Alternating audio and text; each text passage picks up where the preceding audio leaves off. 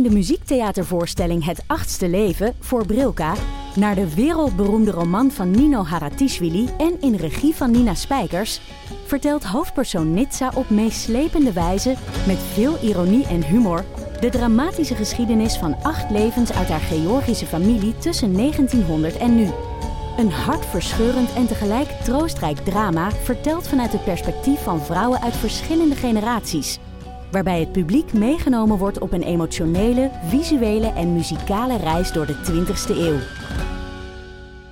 Koop je tickets voor het achtste leven via oostpol.nl.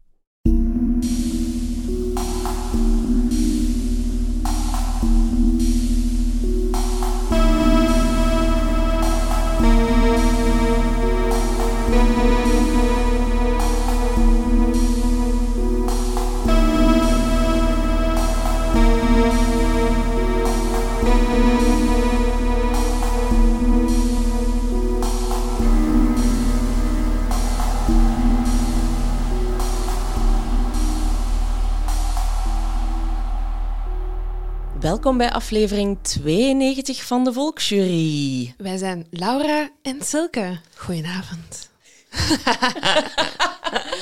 Welkom bij deze alweer fantastisch voorbereide aflevering. Want nu doe je af dat wij niet zijn. We zijn keigoed. We zijn heel goed we, zijn, we hebben hier hebben hier even moeten sparren over hoe dat we deze aflevering gingen aanpakken. Ja, bedoel- toen we normaal eigenlijk Nee, niet maar het is een ingewikkeld verhaal, dus dat moet, even, dat moest even worden... worden besproken. Ja. Anyway, hoe is het met u? Eh, super, super. Ik heb het gevoel dat de zomer heel hard begonnen is voor mij, omdat ik de afgelopen twee weekends naar festivals ben geweest. leuk. Ja, het was heel leuk. Een beetje onverwachts een dag naar ehm, Best Kept Secret geweest in Nederland. Ehm, en afgelopen weekend naar Werchter Boutique met heel Vlaanderen, blijkbaar. Want Ik iedereen... niet. Nee, jij was er niet. Dat was raar. Dat was raar om daar zonder u te zijn. Oh. Ehm, maar het was zo goed. Ja, Stromae was echt... Ja. Ja, goed. Weer iemand met wie ik wil trouwen. Het was zo goed. Het lijstje wordt lang, hè, Het ondertussen. lijstje wordt lang. Lucas fronst en fronst en fronst. Nee, ehm, het was fantastisch. Ehm, ik ben ook veel van jullie eh, luisteraars tegengekomen. En er is iets... Ik heb het u nog niet verteld, omdat ik benieuwd ben hoe dat jij erop gaat reageren.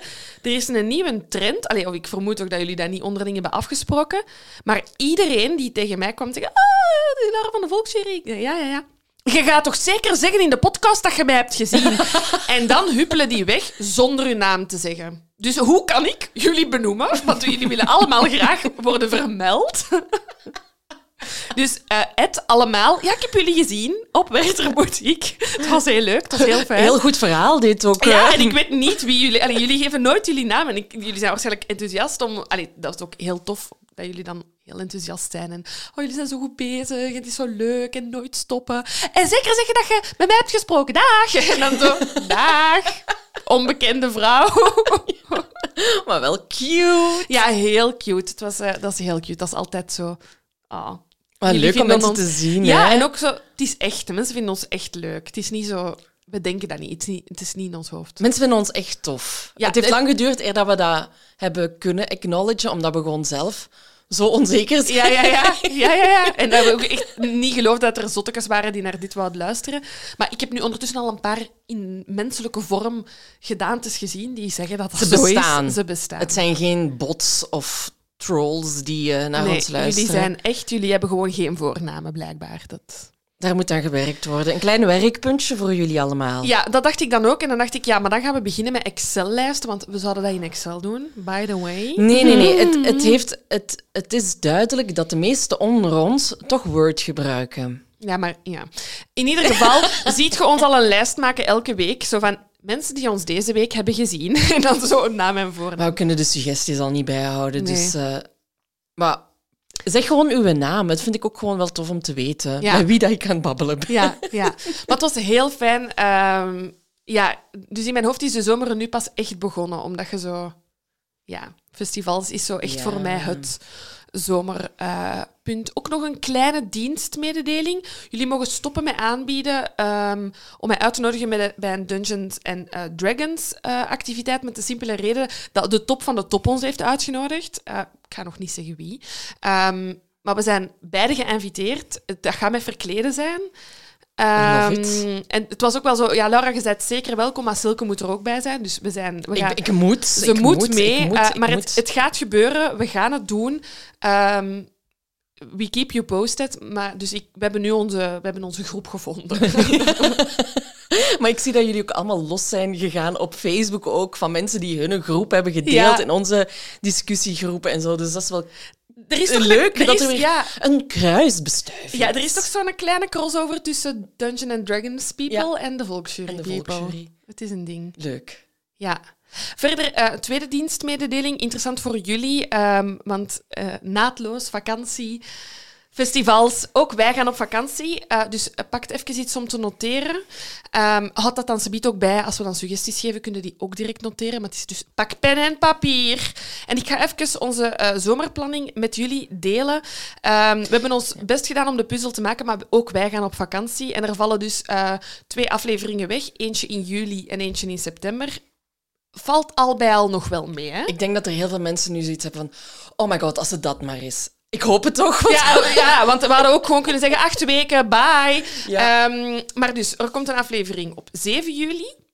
Dan springen we naar 4 augustus, 18 augustus en dan naar 22 september. Dus dat betekent dat in juli en september een aflevering ehm, wegvalt met de simpele reden dat eh, ons BBC hier in L.A. zit. Jazeker. Dat is Silke haar vakantiebestemming. Mijn vakantie is nog een beetje out in the open. Ehm, we zullen zien. Er zijn ideeën, maar nog geen concrete plannen. Ehm, maar dat is het dus. Dus dan weet het. Eh, ik heb ook een hele schone visual gemaakt. Ik ben er heel trots op. Je had het toch ook wel in een Excel-bestandje kunnen gieten, hè? Mm, ook wel tof, hè? Gewoon een screenshot van een Excel. Beide. Ja, ik maak ze alle twee. Ik maak ze alle twee. Dus ik heb een schone visual. We gaan die af en toe in de stories deze zomer delen, zodat je zeker niet vergeet dat er dus twee En dan kun je daar ook je vakantie op baseren. Als je weet van, ik moet dan het vliegtuig op, weet dan van, hm, ik plan beter rond het moment dat er wel een aflevering is. Ja, herboek al jullie vluchten.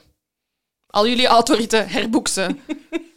Verandert uw verlof, maakt die van HR een keer goed zot en zegt... Suzy, ik ga toch niet in augustus op vakantie, want dan zijn er twee afleveringen. Allee, je doet ermee wat je Of je verzamelt ze en je houdt ze bij voor als je toch op vakantie Ja. gaat. Er zijn mogelijkheden. Giet het ook in een Excelletje. We zijn De ons echt aan het opties- excuseren weer voor ons verlof. Hè. Ah.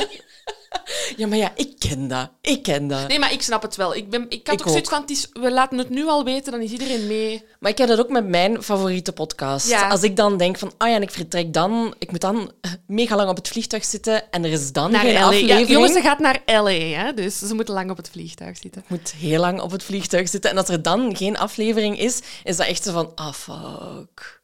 Dus nu weten jullie het in ieder geval. Ga jij dan nu zes weken geen My Favorite Murder luisteren, zodat je aan de volle dat negen uur zit? doen, ja. Ik zou dat eigenlijk moeten doen. Oeh, it's gonna be tough. ja. Ja. Oh, wel goed dat je het zegt, want anders Mm, had ik eens weer doorgejaagd. weet je wat ik heb gehoord? Hm, hm. Zo was spoilen voor u. Nee, voilà. Dat was het eigenlijk. Suggesties? Zullen we daar... eh, Dus jullie hebben nog altijd jullie pen en papier vast, want jullie hebben die data ja, genoteerd. het moet door. Zal ik beginnen met Ja. eentje? Ja. Eh, ik heb allereerst een podcast in de aanbieding. Mhm. Kijk, dan kun je daar meteen mee verder als onze afleveringen er niet zijn. We zijn, hier, we zijn hier mensen hun agenda aan het maken, dat is niet Dat is zo. goed, hè? Goed, hè. Eh, en de eerste, allee, de podcast die ik wil aanbevelen is Chameleon. Mhm. Bestaat uit drie seizoenen en ik wou eigenlijk bij seizoen drie beginnen, maar in de vorige aflevering heb ik naar mijn voeten gekregen Wat meent jij dan nu? en ik ben bij seizoen één begonnen. Ja, best, maar sorry. Wat, allee, wat gaat er dan in uw hoofd om? Maar het zijn toch drie verschillende verhalen? Dat is niet zoals bij Stranger Things, dat je bij seizoen 1 moet beginnen om seizoen 4 te begrijpen. Maar Ik kan dat echt niet aan. Allee, dat is dat gelijk dat je een album zou luisteren van een artiest en van achter bij het laatste nummer begint. Ah, nee. Het staat helemaal los van elkaar. Oké, over wat gaat het? Bon, dus ik ben bij seizoen 1 begonnen. Ja, best, ja. En ehm, de, de, eerste- de, de titel van het eerste seizoen is Chameleon Hollywood Con Queen. Dus het is, Chameleon gaat over mensen die echt zo ehm gescamd hebben, maar echt op zeer grote ska, scha, scale. Scale? Ze gaat naar L.A., jongens. Ik ben wel aan het oefenen. Op zeer grote scale. Hollywood Con Queen, eigenlijk ben ik dat, als ik daar ben. Ja, oké. En ehm, het is eigenlijk iemand die van heel grote filmproducenten tot make-up artiesten eigenlijk in het zak zet. Op heel grote schaal. En het is echt, ja... En zijn er zo wat celebs bij die ook in het zak zijn gezet? Of is het ja, het is wel zo vaak van... Ja, she- she- she's a very popular producer, but she did, we didn't want to be mentioned Named, of ja. named. Ik moet nog wat oefenen, dat is duidelijk. Ehm, maar eh, het is... eh, dus ja, het zijn drie seizoenen en elk verhaal brengt een ander soort scam aan het licht. Maar ik weet het dus nog niet voor seizoen 2 en 3, want daar heb ik nog niet naar geluisterd. Oké, dat is wel echt een nieuwe trend hè, in zo de Ja. sub, sub true crime genres, zo die Absoluut. scammers. Ik merk dat ook zo bij wat dat jullie vaak als luisteraars naar ons typen. Eh, van, ah, heb je die Netflix-dingen al gezien? En ben ik zo, ja, maar is er iemand gestorven of niet? Want, allee, niet dat ik iemand dood wens, maar dat is bij mij toch altijd wel zo, pff, scam. Ja, maar het is ook wel intrigerend in waarom dat je dat doet. Oké, ja, het gaat om, om geld heel vaak natuurlijk, maar hoe dat je zelf in staat bent om andere mensen zoiets aan te doen, dat is ook weer die psychologie daarachter. Hè? Mhm. Dus voor diegenen die dit eh, wel interessant vinden, eh, de podcast Chameleon. Dat is mijn eerste tip. En dan ehm, wil ik even terugkomen op een tip die we al eerder eh, hebben gegeven. Eh, en dat is eh, Only Murders in the Building op Disney+. Plus. Ja, want wij kregen wel even de allerleukste telefoon van ons leven. Hey, Laura en Silke, dit is eh, Disney Plus. Ja, zouden jullie Only Murderers in the Building seizoen 1 willen tippen? Want 28 juni komt er een nieuw seizoen en wij waren zo. Jullie weet dat wij dat echt al getipt hebben, because we're major fans. Dus wij waren echt al, ja, in al, aan het flippen. Ja, ja, Echt ja, aan het flippen van, oh my god, zo leuk dat jullie aan ons denken. Jij hebt dat toen als tip gegeven. Wat is er gebeurd in seizoen 1? Oh, het is zo goed. Het is ook heel erg meta. Het is meta, want, en het was heel herkend. Want ik heb het na u gekeken en we hebben er dan ja, niet meer echt in de podcast over gepraat. Nee. Maar het was zo hashtag relatable. Zeker. Hashtag relatable. Hè, dus voor de mensen die toch niet zouden weten waar het over gaat. Jullie Ehm, zijn naar de Foute Podcast aan het luisteren, om te beginnen al. Maar- Zeker, zeker. Eh, Dus de, de drie hoofdrolspelers, hè, gespeeld door Steve Martin, Martin Short en Selena Gomez. En die wonen samen in hetzelfde ap- grote appartementscomplex. Ze zijn alle drie true crime obsessed, zoals ons. En op een gegeven moment vindt er daar toch een verdachte, verdacht overlijden plaats in dat gebouw. En die drie hebben zoiets van... Dit, dit is het moment voor ons. Deze is het teken. Deze is het teken waarop we aan het wachten Wij waren. zouden dat ook zijn. Maar absoluut. Wij denken, wij hebben al ons materiaal al. Zij moesten al hun materiaal nog aanschaffen. Ja, ja, ja. Heel wij, cute. wij hebben dit al. En die gaan eigenlijk ja, op moordonderzoek. Ja. En het is echt met een serieuze cliffhanger geëindigd, het eerste seizoen. En 28 juni volgt dus het tweede Dus seizoen. ik heb even uitgerekend. ehm, je hebt, als je dus dit nu live aan het luisteren bent op de donderdag, eh, wanneer deze aflevering verschijnt, en je hebt zoiets van, ah ja, ik heb dat de vorige keer genegeerd. Eerst en vooral, wij vervloeken u super hard. Maar je kunt het nog rechttrekken. Kijkt zo rustig twee afleveringsjes per dag. Ja, of weet je wat, als je nu toch 15 uur op een vliegtuig moet zitten, download, het. Download dat, binge dat. Want wij zijn hier nog niet over uitgesproken. zeer, zeer, zeer zeker niet. Wat dat ook tof is aan seizoen 2, is dat het met... eh, Haha, heb jij die trailer gezien? Nee, nog niet, Oh, oké. nog Ik, ik ben gaan kijken, want we hadden dan zo... eh, ze hadden dan geschreven van... ah, eh, hi- hierom zou je misschien wel willen kijken naar seizoen 2. Ik dacht zo, ja... Waarom zou ik niet kijken naar seizoen 2? Ehm, maar de, de, er zitten een paar beke- bekende, heel bekende koppen in. Cara Delevingne en Amy Schumer. Ja, Love her grote so ja. much. Eh, die zitten ook al in de trailer, dus ik was echt... Ja, Oh, ik kan straks kijken. ik heb zo... Als, ik, als je zo'n klein kind bent en je krijgt iets en je bent heel blij dat je zo echt zo maniacaal in je handen begint te... Dat was ik aan het doen, terwijl ik de... Zo echt zo... en aan het roepen eh, naar mijn scherm. En dus ja, voor de mensen... Ik bedoel, eh, nee, dat zijn onze goals, hè, om een true crime podcast live te maken over een moord die in ons appartementsgebouw in New York City zou gebeuren. Maar toch zijn er heel veel herkenbare momentjes. Hè. Ze zoeken in seizoen 1 aan een sponsor. En het, is echt, het is echt zo allemaal zo... Oh my god, been there, done that. En ook zo dat ze zo dingen moeten inspreken. Ja. En het is ja, echt very, very relatable. En ook ja, dat dingen niet lukken. hè. Je hebt ook al heel vaak ge- gehoord hier bij ons. Ja. Dat er dingen omvallen, of dat de kwaliteit echt sukt, of dat we gewoon alles opeens kwijt zijn. Ja. Of dat Tanneke in brand vliegt. Allee, ik bedoel... Ik ben wel echt ook zo van, oeh, wat zit er nog niet in? En ik was wel zo, zou er eens iets in brand? Oh, dat zou dat is goed nog zijn. niet geweest, dus dan Ja. zou ik zo, ah, hashtag Tanneken in New York. Maar goed, kijk, wij zijn heel enthousiast over... Ik ben echt super blij. Het maakt mij... Het maakt, was ook gewoon een reeks dat mij heel blij maakte of zo, op of Ja, want het is, het, eh, je denkt dan, ah, true crime, eh, het zal wel zwartgallig zijn, maar het is heel humoristisch. Ik heb, he- ik heb echt plat van het lachen gelegen. En ik weet niet, ik heb het gevoel dat dat tweede seizoen er sneller is in mijn hoofd dan verwacht. Ja. Ik dacht dat dat voor het najaar ging zijn. En dan zo ineens zo... Nee, nee, 28 juni is het zover. En ik ben echt zo... Let's get it. Ehm, ze volgen de nieuwe trend eh, Disney+, Plus, wat dat de streamers nu precies allemaal een beetje doen. Er komt wekelijks een aflevering. Dus het is niet, Alles in één keer. nee, het is niet alles in één keer. Dus het is elke week een aflevering. Ik ben daar niet kwaad op. Het gemaksken, hè? Ik, ik, ik heb daar enorm van genoten om zo wekelijks iets te zien. Gelijk wat dat we met de mol hadden. Maar, en, en dat, dat je zo Zoals vroeger eigenlijk gewoon. Zoals vroeger. En ook omdat het een murder mystery is, vind ik dat wel fijn dat je zo... Tijd hebt om na te denken. Ja, dat er wat kronkeltjes en wat lichtjes in je hoofd kunnen aangaan. Dus jongens, tijd om seizoen 1 te bingen. Disney+. Plus. Ja. En dan zijn we allemaal tezamen klaar voor seizoen 2. Allee, het is gewoon zo, je gaat onze volgende aflevering niet kunnen luisteren als je niet mee bent. Dat gaan, je gaat niet kunnen volgen. Want wij gaan, wij, gaan, wij gaan daarover moeten ventileren. Het zal wel zijn. Het is een beetje de Mol 2. Ja, maar nee, want bij de mol gaat er niemand... Ze hebben hard geprobeerd, maar er is niemand gestorven. Volgend Ja, maar we seizoen kunnen, in de we kunnen schrappen als mogelijke sponsor ooit. We gaan snel verder. Heb jij nog tips? Ik heb geen tips meer. Ehm, nee, het laatste wat hierop staat is eh, vakantieplanning. Ehm, ik heb de aflevering van deze week mogen kiezen. Ehm, na twee woorden wist Silke welke zaak Ja. dat we gingen brengen. Het is denk ik eentje dat ook al lang op uw lijst stond. Het is Exact. eentje die eh, ongetwijfeld al een paar keer gesuggereerd is. We gaan het toch proberen op een spannende manier te vertellen. Het is een ingewikkelde zaak. Dus als je dat notitieboek nog altijd naast je hebt liggen, zo wat trefwoorden nu en dan, dat is niet verkeerd. Nee. Het is de zaak van... Gaan we zijn naam zeggen? Nee. Oké, nee, dan eh, vliegen we er gewoon in. We beginnen... Maar ja, het staat toch al in de... In de... Ik weet het, we hebben deze discussie al zo vaak gehad. We gaan gewoon verder. Het is 20 juni 1979 en ehm, de 12-jarige Robin Samso eh, is in Huntington Beach, California, zich aan het klaarmaken om... Ook in Californië, hè? Dat is waar dat jij naartoe gaat. Ja, ja, ja, ja, ja. Ja, ik ga zo alle murder... Maar dat gaat het toch wel doen, hè? Klein Er is murder- blijkbaar een, een murder museum, hè, waar ik naartoe ga.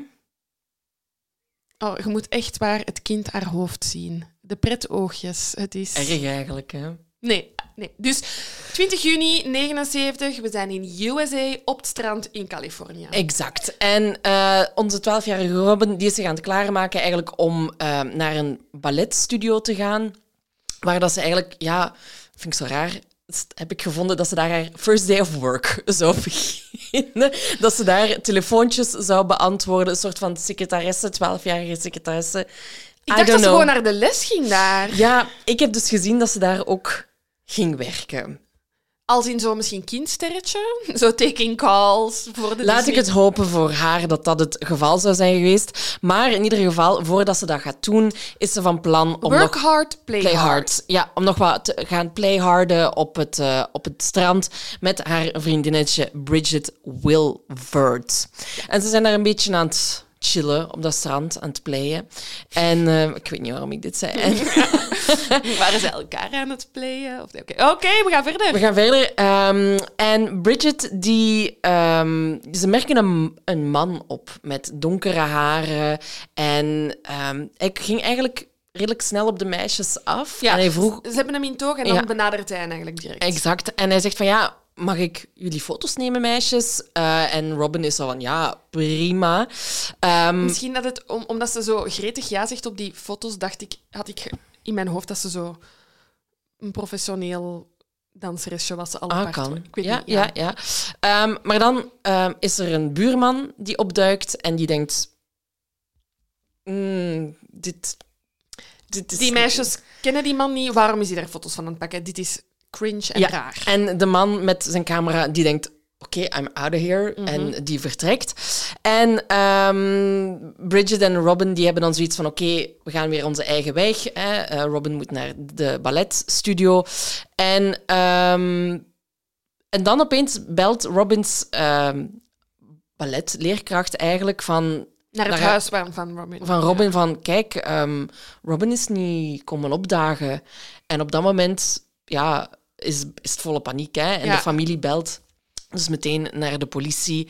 En twaalf dagen later wordt dan ehm, het lichaam van ehm, Robin gevonden eh, door brandweermannen. En wat ik daar nog over heb gevonden, is dat de moeder van Robin heel graag haar dochter wou zien, uiteraard. Maar ze lieten dat niet toe.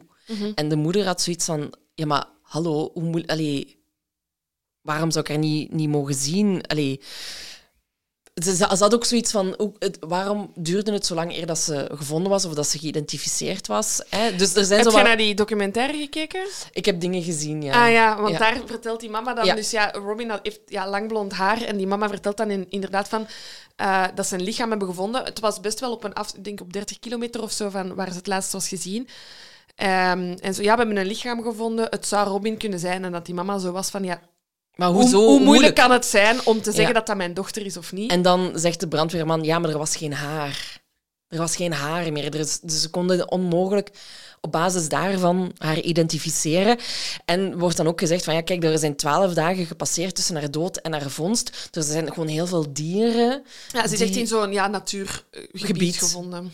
eh, die aan haar restanten hebben, ja, van, daarvan gegeten hebben. En, en aan, ehm, dus tegen dat ze haar gevonden hadden, waren er alleen nog maar botten overgebleven. En dan was er geen haar meer. Ehm, nu Bridget, het vriendinnetje, Ja, zij is de, degene die haar als laatste heeft gezien. Dus Ja. uiteraard wordt zij ondervraagd. En eh, Bridget, ja, er wordt gevraagd hoe dat nu namiddag was. En uiteraard heeft zij zoiets van: eh, Is er iets raars gebeurd? Oh ja, bitte eigenlijk wel. Er heeft ons een onbekende man gevraagd voor foto's. De buurman is daartussen gekomen omdat hij dat raar vond. Dus dat was wel zo aan een rare vibe. Dus er wordt aan Bridget gevraagd: van, Oké, kunnen die mens eens beschrijven? Eh, en aan de hand van die beschrijving wordt er eigenlijk een, een, een robottekening gemaakt en die wordt verspreid. En ehm, de tekening wordt herkend en mensen zeggen: Maar die is op tv geweest! Sorry, dit mopje wou ik heel graag maken. Dat is niet wat er is gebeurd.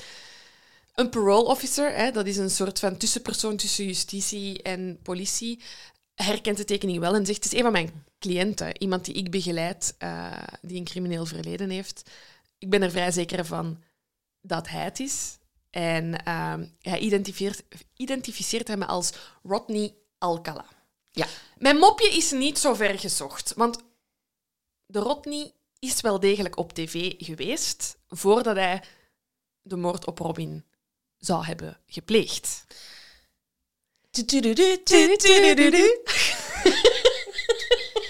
Het was niet gepland. Dit was niet gepland, maar jullie zouden Robin, eh, Robin ehm, Rodney ook wel kunnen kennen als de dating game killer. Ehm, want echte true crime fans moeten dit al hebben gezien. YouTube staat er vol van, je kunt het overal vinden. Want in 78 is Rodney Alcala een van de drie kandidaten in de televisieshow The Dating Game Hier wel gekend als Blind Date. met Ingeborg. Ehm, dus exact hetzelfde concept. Je hebt één vrijgezelle vrouw, drie vrijgezelle mannen, een muur. muurtje daartussen. En ehm Alcala was contestant number one. Oh. Ehm, het is heel pijnlijk. Je kunt de hele show zien. Eh, ook gewoon kleine stukjes van hem als je dat wilt. Ja. Ehm, mijn vraag is voor mensen in de televisiewereld: hoe kan het dat niemand bij de major close-ups die worden gemaakt van zijn gezicht, dat niemand zoiets had van psychopaat, psychopaat, want het, het straalt er vanaf. Is het omdat je het weet?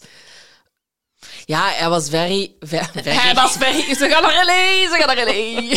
Hij was very charming, wordt er over, over hem gezegd. Hij wordt ook aangekondigd als ehm, een succesvolle fotograaf. En dat talent werd bij hem ontdekt toen hij 13 was door zijn vader. En hij doet aan skydiven. Ja, dat is hij en hij gaat gaat- hij skydiven. En eh, zijn droom is een motto, want hij doet ook aan motorcycling.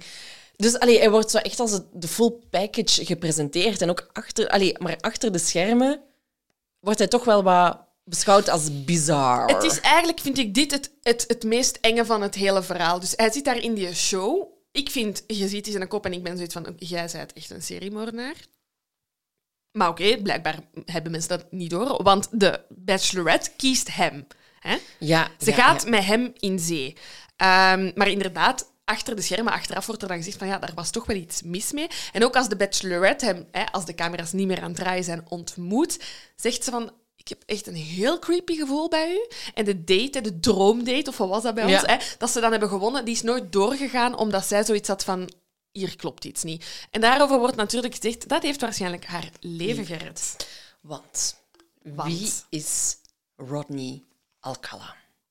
Maar echt, zoek trouwens echt even op YouTube op Eigenlijk deze moeten, beelden. hier, eigenlijk moeten hier de podcast even stoppen en even gaan... Je moet eigenlijk, wij, wij vragen wel veel hè, van de mensen. Een notitieboekje, even stoppen en op YouTube gaan kijken. Minder afleveringen. Eh, nee, Mm. oké. We, we zullen minder veel eisend zijn, maar doe jezelf een plezier. Zoek en dit even je dat zo een beeld... allee, want nu heb je waarschijnlijk echt zo Son of Saul eh, beelden in je hoofd. En dat is het... Ja. eh, Son of Saul, Son of. Sam. Beelden in je hoofd. Hè. Dat is het niet. Het is, het is wel echt very early 80s serie. Moordenaar. Ja. Slash... Ja, aantrekkelijk. Nee, ik kan die niet meer zo zien. Maar waar Weet je, het waren zo Ted Bundy-vibes.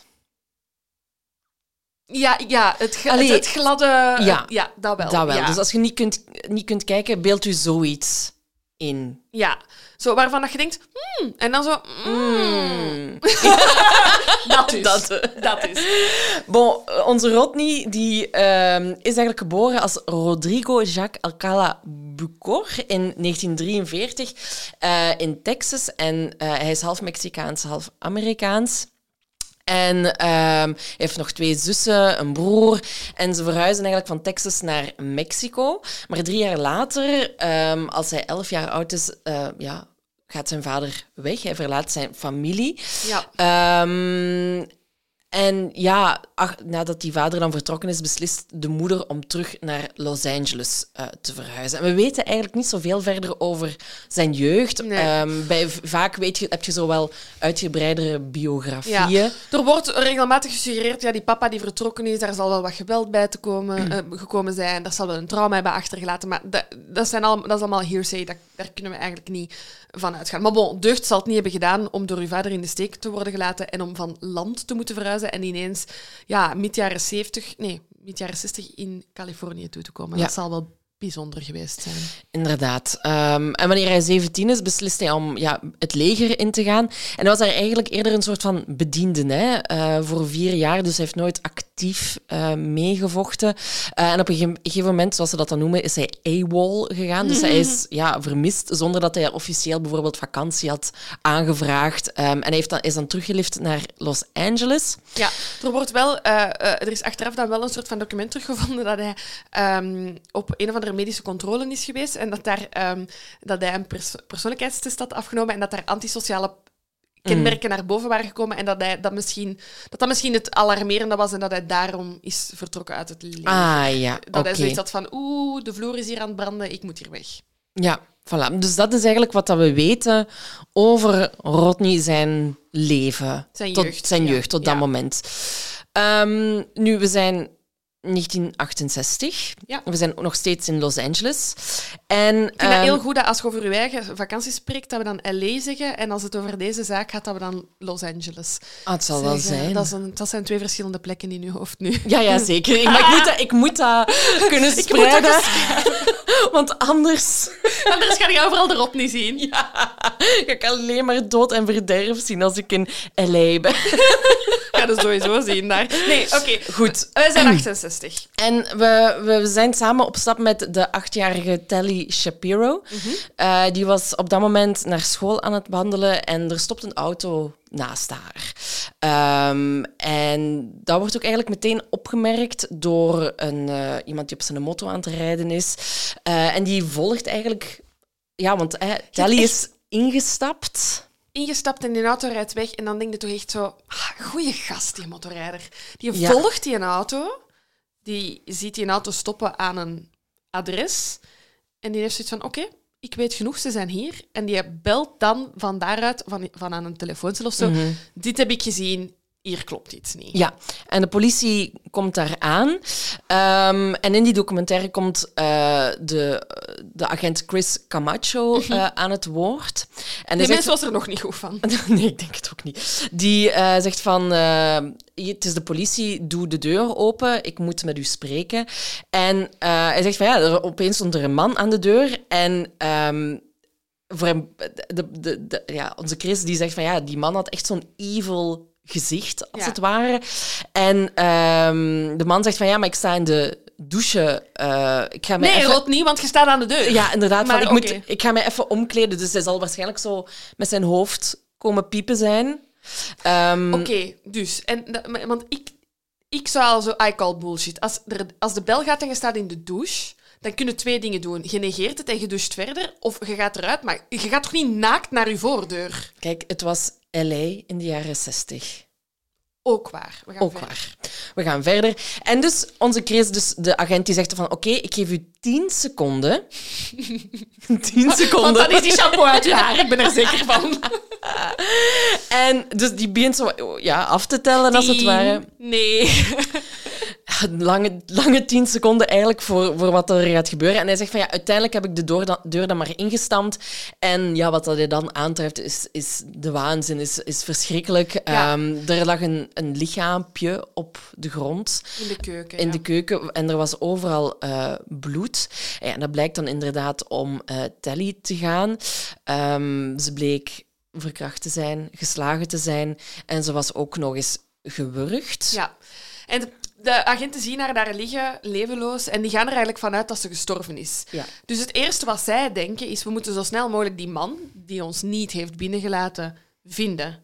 Maar net op dat moment, dat ze die beslissing maken om het huis te doorzoeken, geeft Tally een teken van leven. Ja, ongelooflijk. Ja, ik bedoel, wa- wa- wa- wa- hoe begint hij dan te hoesten? Ik- Ja, ik- te- ja wat hasper, ja, ja. zo'n zo'n krakerige ademhaling van al het Ja. bloed en dergelijke, ja, denk dus ik. die agenten, hun focus wordt onmiddellijk weer verlegd, want die hebben zoiets van, ah, die is nog in leven. Ja. Eh, dus die ontfermen zich over haar. En een tel te laat beseffen ze, ah shit, die gast. Ja, hij is weg. Maar even terug naar de eh, motorrijder. Zonder hem was Stelly dood, Dood. geweest. Ze heeft het overleefd. De man is gevlucht.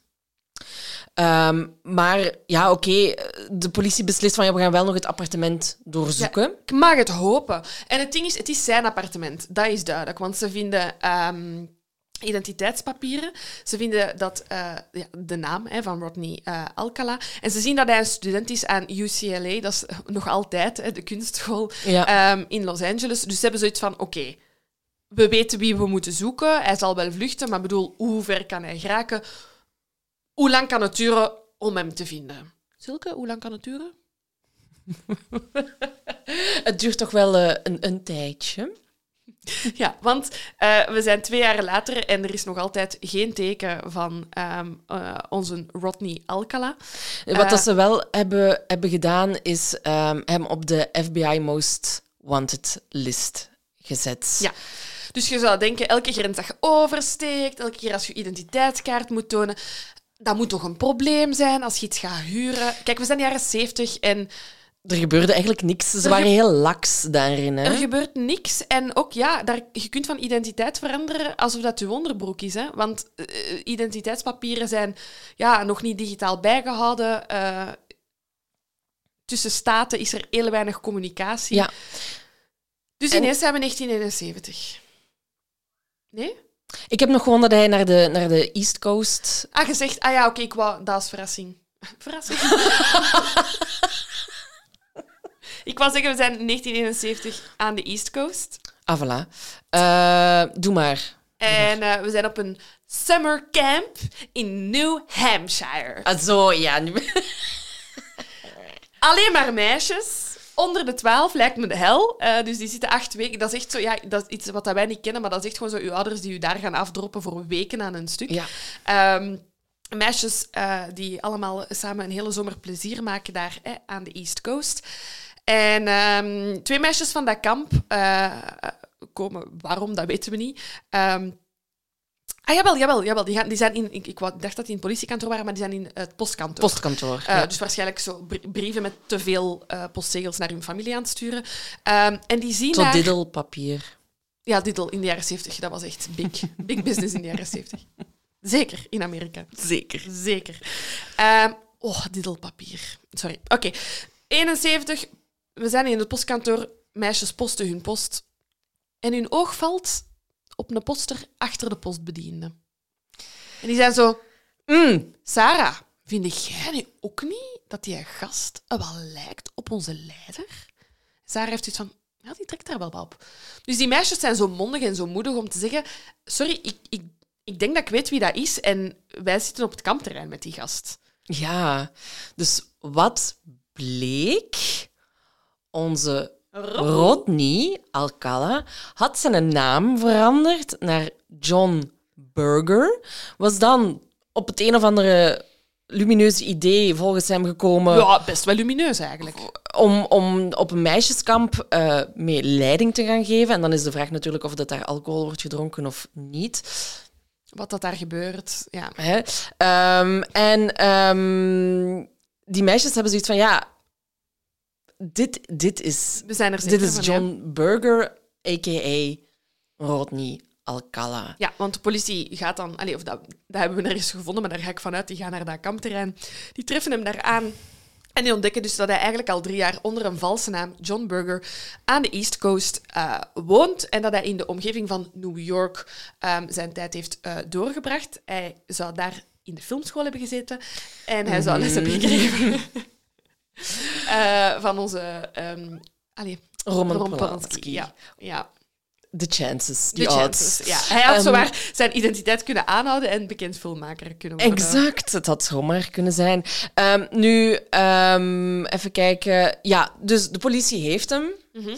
En ze, zijn dan, ja, ze willen hem dan aanklagen voor wat dat hij met Telly heeft gedaan, uiteraard. hè. En die lijst is lang. Hè? Ik bedoel, hij heeft een kind ontvoerd, hij heeft haar verkracht, hij heeft haar proberen te vermoorden. Ja. Bedoel, Ja. dus, het was een moordpoging. Hij heeft haar voor dood achtergelaten. Het enige probleem is dat de familie ondertussen het land heeft verlaten. Ze Die zijn zoiets van trauma weggetrokken.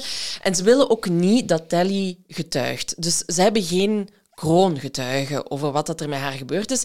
En daardoor kunnen ze alleen maar allee, Rodney een deal geven. Van, Ja, zo'n of, plea deal. Wat Ja. is- wij hebben dat niet, maar ze hebben dat wel.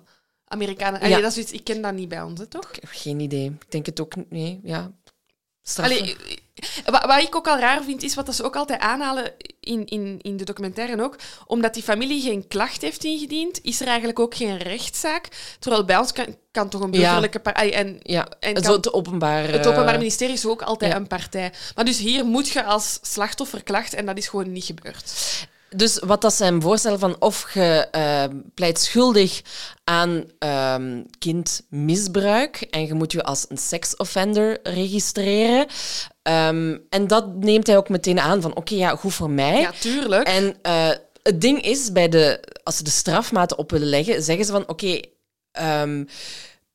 je kunt, moet minstens één jaar zitten, maar je kunt ook levenslang in de gevangenis zitten. Dus Rodney weet niet, niemand weet eigenlijk hoe lang dat hij in de gevangenis eh, gaat zitten.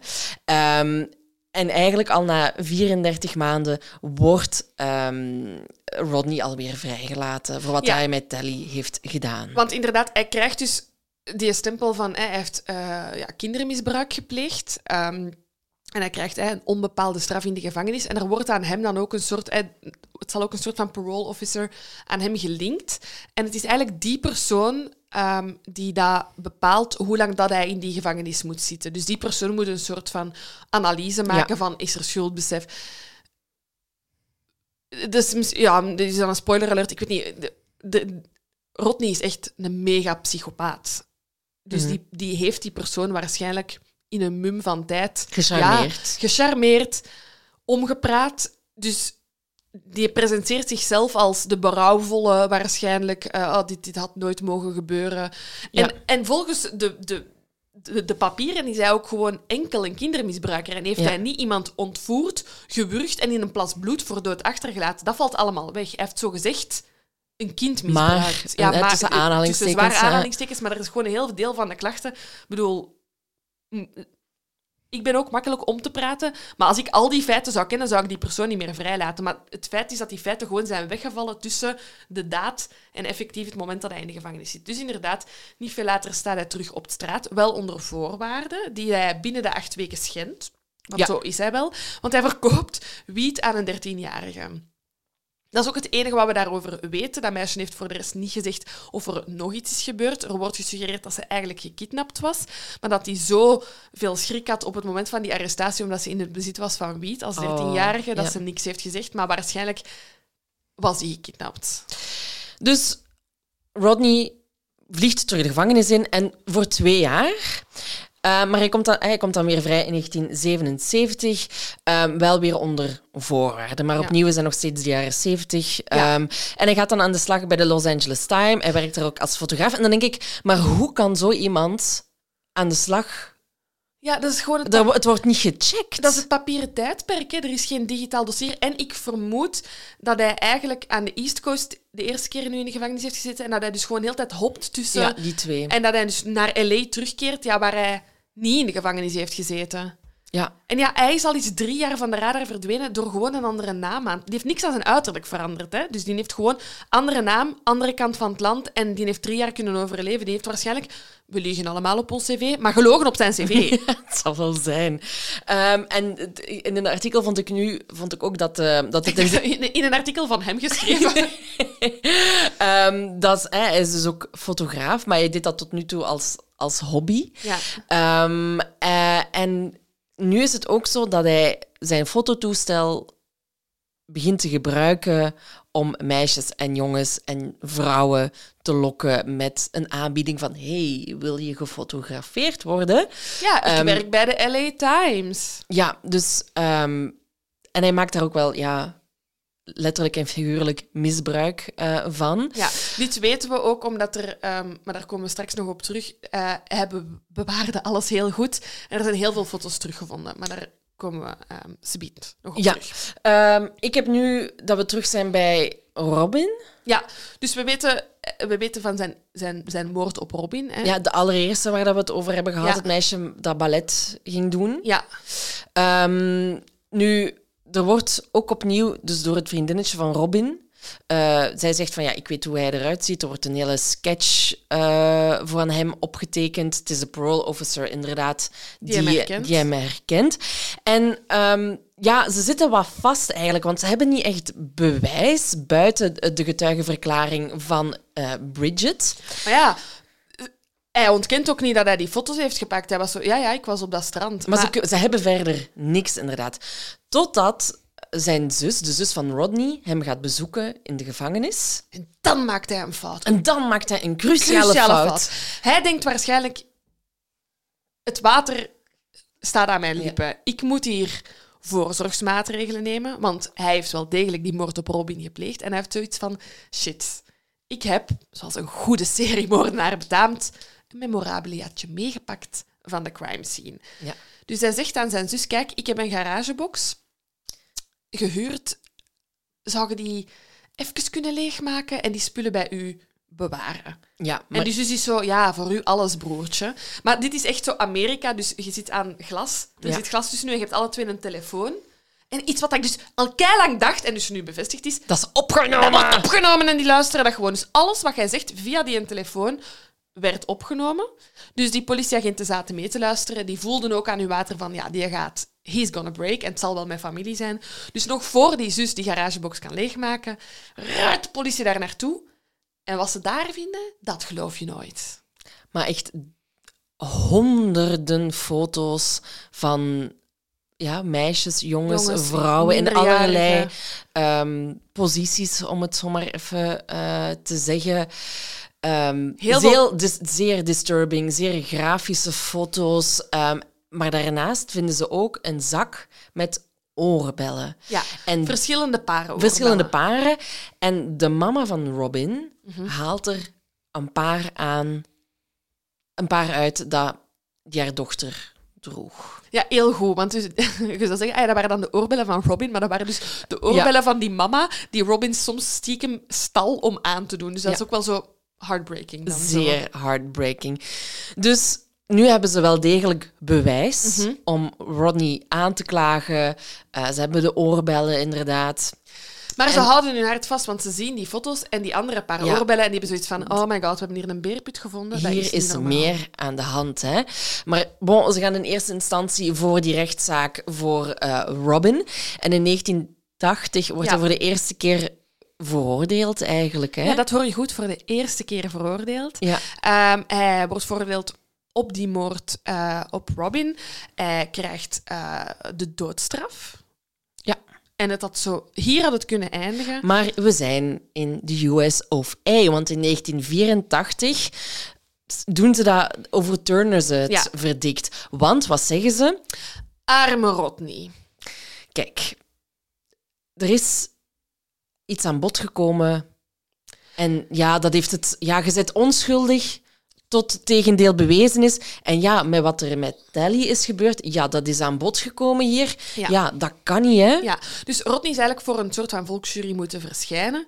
En uiteraard hebben die advocaten die feiten van Tally aangehaald. Ah ja, want dat geeft aan dat er een patroon is, dat die mens al iets heeft gedaan, dat het geen alleenstaand geval is wat dat er met Robin is gebeurd. Hun fucking goed recht. Maar de advocaten van, van, van Rodney hebben het zo kunnen spelen Ja. dat zij hebben gezegd van kijk, het feit dat je dit hebt meegegeven aan de jury is eigenlijk voorkennis en zorgt ervoor dat hij geen eerlijk proces heeft eh, Ja. gekregen. En je zou denken, oké, clown, je kunt maar proberen. Maar het gerecht van Het Californië zei, werkt. jij hebt gelijk. Ja, maar bon, niemand geeft op. Dat moet je iedereen wel geven hier. Ne- Ehm, Never give up. In 1986 eh, is er een tweede rechtszaak, ook nog steeds over de moord op Robin. Ehm, en opnieuw wordt hij tot de doodstraf veroordeeld. Ja. Maar dan zijn we 2001 en Rodney heeft al die tijd geprobeerd om opnieuw dat verdict nietig te verklaren. Ehm, maar opnieuw gelukt dat. Ja. En hier is de reden, maar ik heb daar niet heel veel informatie over gevonden, is dat ehm, Rodney niet de mogelijkheid heeft gehad om al zijn bewijs aan te voeren. Hij heeft nogthans zijn best gedaan, want in 1994 heeft hij eh, zelf een boek gepubliceerd met de titel You, the Jury, waar dat hij dus in dat boek zijn volgende jury aanspreekt, die dus nog niet bestaat. Echt psycho. What? Waarin hij dus zegt van, eh, jij, jurylid, ik ben onschuldig. Dus hij heeft alles geprobeerd, maar blijkbaar was het niet genoeg. Was het, op, was het opnieuw geen fair trial volgens de Court of California. En is hij in 2001 dus eigenlijk zogezegd terug een vrij man. Uiteraard wordt dat opnieuw een aanvraag ingediend. Ik denk niet dat hij ooit echt op vrije voeten is geweest. Hij heeft denk ik Nee. altijd in de gevangenis gezeten. En dus beginnen ze aan die derde rechtszaak. Maar besef, in 2001 zijn we al, Besef, ik besef. zijn we al 22 jaar verder en wacht de familie van Robin nog steeds op ja, gerechtigheid. Gerechtigheid, ja. Dus ze zijn zich aan het voorbereiden op die ehm, zaak die dat uiteindelijk in 2010 zal starten. Hè? Ja. What the fuck? We zijn in de jaren 2000. Dus de wetenschap, hier zijn we weer, I love DNA, maar de wetenschap staat weer al een pakje verder. Ehm, dus de verdediging heeft zoiets van, kijk, we gaan ons beter inwerken, we gaan proberen met DNA-materiaal te werken, dingen proberen aan te tonen, hè, ehm, dat we echt een, een, een stevige case hebben voor Robin, haar zaak. Dus er wordt in 2003 DNA afgenomen van Rodney. Tegen zijn wil eigenlijk, maar hij moet het Hij gewoon moet, doen. hij is een verdachte. Hè, en die advocaten van, van, van, van Rodney Samso die zijn zo oké, we zijn er klaar voor. En deze gaat onze zaak goed helpen. Misschien moeten we toch eens, goh, weet je, gewoon voor de show, dat DNA door hè, de databank ehm, gooien. En die stopte niet met pingen op Nee. dat moment. Nee, ik heb eh, even kort opgeschreven Ja. wat daar nog is uitgekomen. Ehm, er zijn nog vier andere vrouwen het slachtoffer geworden van Rodney. Uit, met dat DNA-onderzoek. De eerste is Jill Barcom. Zij was 18. Eh, zij kwam uit New York en is uiteindelijk in Los Angeles eh, gevonden in een ravijn in 1977. En ze dachten eigenlijk dat zij oorspronkelijk een slachtoffer was van de Hillside Strangler. Fun fact, Rodney is daarvoor ehm, geïnterviewd geweest, Ja. of verhoord geweest, omdat ze dachten dat hij misschien wel eens de Hillside Strangler kon Ja, zijn. ja. Maar hij was niet de Hillside Strangler. Nee, die was, er waren nog psycho's in LA in de jaren 70. Inderdaad. En dan is er eh, Georgia Wickstead. Zij was eh 27, ook in 1977. En zij is eigenlijk ja, vermoord geweest in haar appartement in Malibu. Dan was er Charlotte Lamb. Zij was 31. Zij was zowel eh, verkracht als gewurgd. En is dan achtergelaten in een appartementscomplex in El Segundo in 1978. En dan was er nog een tweede, Jill, Jill Parento. Zij was 21 en zij, was, eh, zij is vermoord in haar appartement in Burbank in 1979. Ik wil gewoon even zeggen dat dus tussen de eerste Jill en Georgia en eh, dan Charlotte en Jill zit de datingshow, de dating Ja. game show. Dus tussen die... En ik- daarmee bedoel ik echt, daar zitten enkele weken en maanden tussen. Dat is echt fucked up. Ehm, en eh, in, in die murder spree is hij ook een paar keer ondervraagd geweest eh, voor een andere zaak. Eh, en er wordt gezegd eigenlijk dat hij, toen hij ondervraagd werd voor die andere zaak, dat hij zich zo onoverwinnelijk voelde, omdat hij dan al moorden in L.A. had zitten plegen, waar niemand iets van wist, dat hij die aanleiding nam om nog extra te moorden. Ehm, en dat de twee moorden die na de dating game show zijn gebeurd, ehm, waarschijnlijk voortvloeien uit, het- uit die afwijzing Ja. eh, dat hij daar heeft gekregen eh, van die bachelorette. Ik hoop dat die vrouw zich niet schuldig voelt, want ik bedoel, anders was zij het geweest. Ja. Ehm, zij kan er niks aan doen. Maar ja, die vier moorden zijn gebeurd op, allemaal op ja, een jaar tijd. En daartussen heeft hij ook nog eens een tv-appearance gemaakt. Fucking psycho. Maar echt. Uiteindelijk komt het heel goed uit voor de, de, de, voor de advocaten van, van Robin. Hè, want er wordt uiteindelijk beslist Ja, ineens zitten we met een seriemoordenaar. met een seriemoordenaar. En alle vijf eh, zaken van de, allee, van de vrouwen worden gebundeld. En zo eh, beginnen ze eigenlijk eh, in 2010 aan de nieuwe rechtszaak. De derde rechtszaak. De derde hè, rechtszaak. En Rodney had zoiets van, weet je wat, ik kan dat hier zelf ondertussen wel. Ik heb genoeg ervaring ondertussen. En eh, verklaart je me gek? Nee, die heeft al twee rechtszaken verloren door zijn advocaten en toch kunnen overturnen. Dus ja, die voelt zich Onoverwinnelijk. onover- echt onoverwinnelijk. Ja. Dus je zegt, advocaat, nee bedankt. Ik zal mijn eigen advocaat zijn. En je kunt nog denken, oké, je kunt je eigen verdedigen, maar die gast is zo ziek.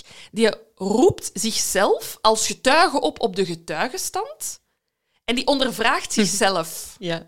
Als in, die verandert zijn stem als hij de vraag stelt en beantwoordt die stem in zijn eigen... eh, beantwoordt die vraag in zijn eigen stem. In derde persoon ook Ja, ja, ja. trouwens. Ja, ja, ja. Hij spreekt over zichzelf in derde persoon. Het is echt... En wat dat, wat dat mij ook... eh, wat dat ik opvallend vind, is dat hij zegt van ja, hij wordt dus ook aangeklaagd voor die vier andere moorden. En daar, die weerlegt hij niet. Dan, dus ah, oké, ja, is goed. Hij gaat echt alleen... Het gaat hem alleen op die zaak van Robin. Ja. Daar zet hij alles op alles in, wat al bizar is. En ja, bon, de jury is uiteraard niet overtuigd Sorry, van... na vijf minuten naar die kit te kijken en te luisteren, zijn het toch zo van wow, ik, ik heb dit proces niet nodig. Als jury is het Nee. na één minuut zo, oké, ik weet het, ik weet het, hij is schuldig. Ja, en hij wordt veroordeeld voor al die... Allee, hij is schuldig voor alle vijf moorden. eh, voor eh, één keer ontvoering en ook één keer, en vier keer voor eh, verkrachting. Nu, eh, je kunt niet zeggen dat Rodney niet alles geprobeerd Nee, heeft. nee, want hè? dus je hebt ook een... Ja, je hebt een, hetzelfde systeem als bij ons. Dus je wordt veroordeeld, hè, schuldig of niet. Mhm. En dan gaan ze nog eens weg en dan denken ze na over de strafmaat. Ja. En daartussen mogen nog ja, een laatste paar leken doen. En Rodney heeft zoiets van, ik heb nog Ik heb hier nog iets. Ehm, hij, hij speelt daar eigenlijk het nummer af ehm, Alice Restaurant door eh, Arlo Guthrie. Ik kende het niet, maar de, ehm, de lyrics blijven wel hangen. Spreken en ik, voor zich. En ik lees even voor. I mean, I wanna, I wanna kill, kill, I wanna, I wanna see, I wanna see blood and gore and guts and veins in my teeth. I eat dead, burnt bodies. I mean, kill, kill, kill, kill. En hij wilde daarmee proberen de jury ervan te overtuigen dat hij niet de doodstraf verdiende. Dus hij wou eigenlijk alluderen op hoe gruwelijk de dood is. Dus dat Nee, dat hij er gewoon niks aan kan doen. Hij wil gewoon moorden. Ah, zo. Niet zo van, luister hoe gruwelijk het is om doodgedaan te worden. Doe mij niet dood met de doodstraf. Zo had ik het Ah, zo geïnterpreteerd. kan ook. Maar ik denk dat, dus hij, dat hij ondertussen wel bij zichzelf realiseerde dat er... allee, dat hij aan zelfreflectie heeft gedaan. En dat hij zoiets heeft van, ja, het is is gewoon het aard van het beestje. Sorry, En- sorry. Ja, What the fuck? want ik zou niet weten waarom dat je anders... Omdat je al zo van de wereld bent. Ja, dat is duidelijk. Dat is duidelijk, hè. Dus wat ook de redenering is, niet de juiste strategie, Rodney. Jij, jij, jij zit niet Rodney, maar jij, zit- op de beschuldigde bank en je mocht één nummer laten horen aan de jury om de doodstraf te ontlopen. Wat kiest je? Nieuwe nummer van Beyoncé.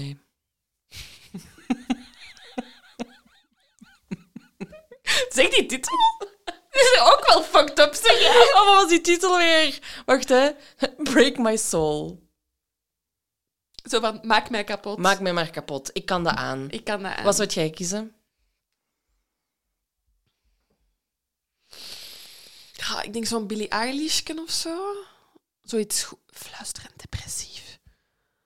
Ah. Of zo een Amen Ra. Zo van, de duivel, it's me. Nee, ik zou gewoon spontaan beginnen dansen en zeggen van kijk, hoeveel ik nog Als van een het leeuw in leven een kooi. Als een leeuw in een kooi. Of laat de zon in je hart. Allee, om even de moed terug wat beter te maken. Ja. En, Ja. ja. Niet verkeerd. Nee, nee, ik denk dat er genoeg opties zijn, maar alleszins veel Niet meer nummer. opties dit nummer. dan dit nummer. Bon, uiteindelijk krijgt hij nog steeds de doodstraf. Mhm. Eh, de, jury, de, de rechter gaat daarmee akkoord. We En- weten natuurlijk wel, we zijn 2010, er worden minder en minder doodstraffen gedaan, ook in Californië. Hij had al drie keer dood kunnen zijn en het is niet gebeurd. Nee. Ehm, nu, meteen nadat Rodney eh veroordeeld is geweest, ehm, heeft de politie van Huntington eigenlijk 120 van de foto's die gevonden zijn in die eh, garagebox, eh, hebben ze daar foto's van gepubliceerd. Nu, het zijn er maar 120, het waren er bijna duizend, denk ik, dat ze er gevonden hadden, omdat ze gewoon veel te expliciet waren. Dus ze konden die niet allemaal delen. En ze gaan ervan uit eigenlijk dat Rodney veel meer slachtoffers had. En met die foto's te delen hoopten ze eigenlijk dat het publiek kon helpen om mensen te identificeren die op die foto's stonden. Ja. Het ging om vrouwen, kinderen. Die foto's staan trouwens nog altijd online. En dat is echt super onheimelijk om naar te kijken. Want je scrolt en je ziet eerst zo wat portretfoto's. ehm, eh, aangekleed. En dan zie je foto's met grote zwarte balken op, waar dat enkel een hoofd zichtbaar is. En dan weet je van, oké, hier, hier klopt iets niet. En dan zie je ineens een lachende vrouw en dan wordt dat heel triestig. En dan zie je een angstblik en je hebt echt zoiets van, wow, dit is echt fucked up. Maar ja, we weten, hij heeft gehandeld. Hij heeft al bijna al zijn moorden gepleegd in de jaren zeventig. DNA was not a thing. Ik denk echt, bedoel, hij is voor deze vijf nu in 2010 veroordeeld. Maar ik denk echt dat dat getal maal drie mag worden gedaan, minstens. Ja. En in 2011 Ja, er komen er nog wat bij. komen er inderdaad nog wat bij. Ehm, ze, er, zijn, er komt naar buiten eigenlijk dat Rodney ook ehm, ervan wordt verdacht voor de, voor de moord op, op ehm, Cornelia Michael Creeley en Ellen Hover. Ja, met de Ehm, simpele reden dat, hem, ehm, dat ze dus eigenlijk een soort van, ja, hoe moet je dat zeggen, een travel schedule hebben gemaakt van hem. Eh, en we weten dat hij pendelde tussen New York en eh, Los Angeles. Ja. Hij wist ze wel te kiezen, de Ja. steden. Eh, en dat ze eigenlijk de lijsten hebben gemaakt van wie was er in die, is er in die periode, eh, zitten we daar nog met onop, onopgeloste moorden of zijn er misschien wrongful con- eh, convictions? En die twee uit New York eh, zitten echt, echt in die periode dat hem daar ehm, in, eh, in de filmschool zat. Ja. Ehm, dus Ja. dat zou kunnen kloppen en dan vinden ze iets meer bewijs. Ja, daarvoor. bij Cornelia is het zo dat ze. ehm, ze gaan eigenlijk. Er, wordt, er, er is niet veel informatie bekend over waarom of hoe, waarom dat ze dat per se gedaan hebben. Maar ehm, ze gaan op een gegeven moment langs bij Rodney in de gevangenis. En ze laten eigenlijk een afdruk maken van zijn tanden.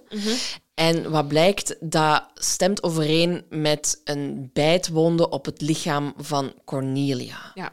En dan weten ze, dit is 100% Ja. eh, li- ligt hier de schuld voor de moord op Cornelia Ja. bij Rodney. Cornelia, een heel pijnlijke zaak. 1971, dus dat is eh, hoogstwaarschijnlijk zijn eerste moord. Hè, want met ehm, Tally is het... eh, ja, Ja. zij heeft het overleefd eigenlijk. En, en Cornelia is in 1971, als je nu de tijdlijn maakt, waarschijnlijk de eerste die dat hij om het... Allee, of waarvan we het weten, dat hem om het leven Mhm. heeft gebracht. Dat is een stewardess die in Manhattan woont. Die zat tussen twee, die, die zat tussen twee appartementen.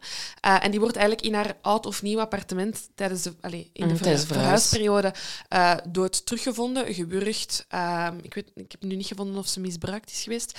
En eigenlijk 40 jaar lang is die haar, haar een boyfriend van toen, Leon Bor- Borstein, ehm, verdacht geweest. Eh, die zat ook in de juridische wereld. Dus ik denk dat hij niet echt heeft vastgezeten, maar 40 jaar lang, omdat die moord onopgelost bleef, ja, werd hij geassocieerd eh, met die zaak. Ehm, en hij, hij zegt, en haar familie getuigt eh, dat later ook. Hij is later trouwens special prosecutor voor de staat New York geworden.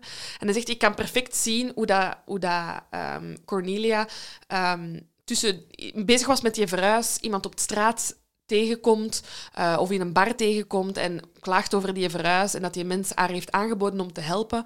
Ehm, het is niet dat ze naïef was, maar ze is echt in een veilige omgeving opgegroeid in de jaren 60. Die zag geen kwaad van de grote stad. Die had dat totaal niet door.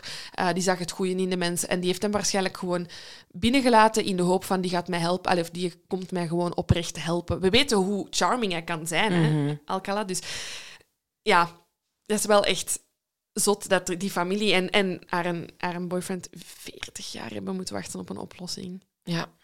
Ja, en hetzelfde eigenlijk voor, ehm, voor het volgende slachtoffer, Ellen Hover. Ehm, dat was gebeurd in eh, 1977, ook in New York.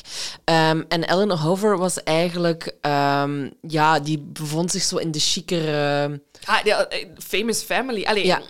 Eh, Zowat de socialite kant. Ja. Hè, dus haar familie had vrij veel ehm, geld. Haar papa was eh, Herman Hover, de eigenaar van de mega bekende Ciro's nachtclub in New York. Eh, haar godfathers waren twee bekende muzikanten. Mensen met oud geld in New York. Dus je zou ook denken... Allee, we weten dat het gerecht corrupt is. Allee, of dat Ja. zo'n zaken... Ik kan mij voorstellen dat bij de zaak van Ellen er alles is aan gedaan om die op te lossen. Hè. Die familie heeft betaald voor eh, echt dagelijks in de krant toren grote advertenties van heb je haar gezien? Heb je... ehm, heb je meer informatie voor ons? Maar in die periode dat Ellen eh, vermoord is, zat je met Son of Sam, die ook in New York zat. Dus de politie kon het even niet aan en ze was blijkbaar duidelijk geen slachtoffer van hem. Allee, of dat is dan eh, uitgesloten geweest. Ehm, wacht, hè, New York Times, dat heb ik gezegd. Ja. Ah ja, en dan eh, heeft haar familie bekendgemaakt in die advertenties, ook in de New York Times, dat er in haar agenda op die een dag een afspraak stond met een John Burger. Maar met een U geschreven. Bur Eigenlijk een hamburger. Burger. Ehm, dus als iemand die man kende, ja, dat is maar een letterverschil. Dat is misschien verkeerd gelezen John Burger. Dat was de, het alias dat Alcala heeft aangenomen. Eh, maar daar heeft, daar heeft eigenlijk nooit iemand op gereageerd. Maar het feit dat dat toen al werd gezegd, ja, Ja, en uiteindelijk wordt hij zowel voor eh, de moord op Ellen eh, als op Cornelia aangeklaagd. En hij wordt daar ook voor veroordeeld nog tot 25 jaar celstraf. extra bovenop Extra zijn bovenop. straf. Ehm, nu, in 2013 wordt, eh, wordt er een, ehm, een 48 Hours uitgezonden over, ehm, over Rodney. En er kijkt een jongen naar en die ziet ook dat verhaal van die foto's. En die denkt, ik ga ook een kijkje nemen.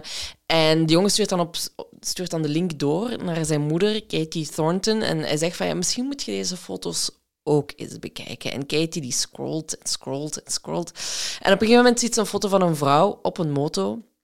En wat blijkt, dat is haar zus, Christine, die in 1977 spoorloos is verdwenen tijdens een roadtrip, terwijl ze zes maanden zwanger was.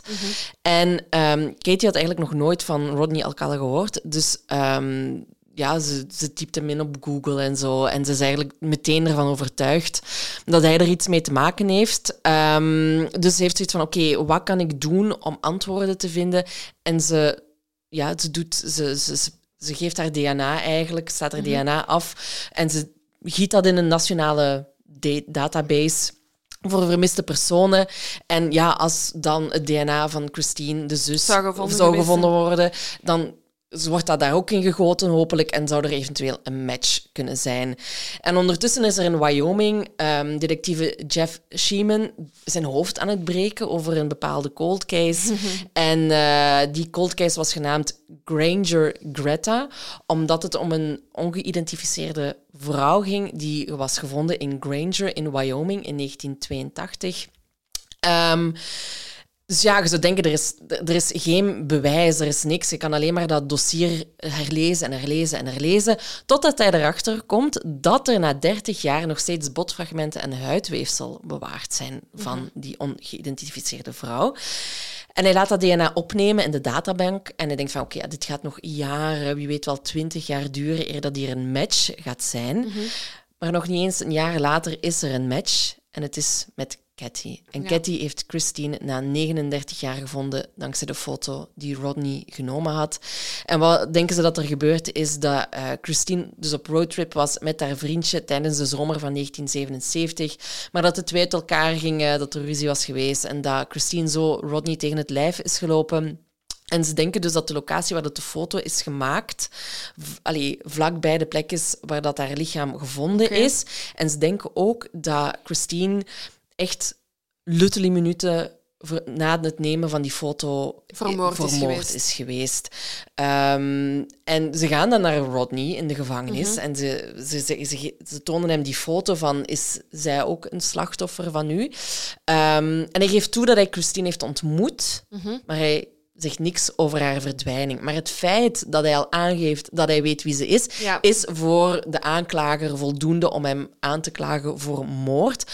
Maar het komt dan uiteindelijk toch niet tot een rechtszaak, um, want er wordt dan gezegd: A good place for Mr. Alcala is in the bed we left him. Hij is dan al zo ja, bedlegerig en. Uh, ze zien het niet zitten om hem dan weer naar Wyoming over te brengen, want daar zou dan die rechtszaak plaatsvinden. Dus ze hebben dan, laat hem dan hier maar verrotten. Maar uiteraard, voor Cathy is het een hele opluchting dat ze na 39 jaar ook weet wat dat er met haar zus is gebeurd. Via een documentaire van 48 Hours. Ja, ik wil gewoon even nog eens kort aanhalen die een datum waarop, waarover dat we spreken, want dat is 1982. Dus dit is tussen twee processen door dat hij deze moord heeft gepleegd. Gewoon even. Oh, ik nog eens even Nee, dat ze gevonden is. Ze is vermoord in 1977. Ah, oké. oké, Want ik, had, ik heb haar tussen die twee processen... Oh, oké. Ja, ja, ja Allee, maar dat maakt het niet veel beter, maar... Inderdaad. Maar toen, inderdaad, in 82 hadden ze geen idee dat hij daarbij betrokken was. Nee. Niemand wist wie dat die vrouw was. Ze hadden geen naam, niks. ja, ze was ook niet herkenbaar. Nee. Ja. Wisten niks. Um, dus ja, het is in 2013. Wie weet wat er nog naar boven komt drijven als mensen steeds nog die zaak komt af en toe nog wel aan bod in andere podcasts of in documentaires. En wie weet gaan er steeds meer mensen zijn die eraan ja, die denken. Foto's, hè? Die foto's die staan foto's, nog altijd online. Hè? Ja, ja, er zijn meerdere mensen ook al geïdentificeerd geweest die niet vermoord zijn geweest, maar wel misbruikt zijn geweest.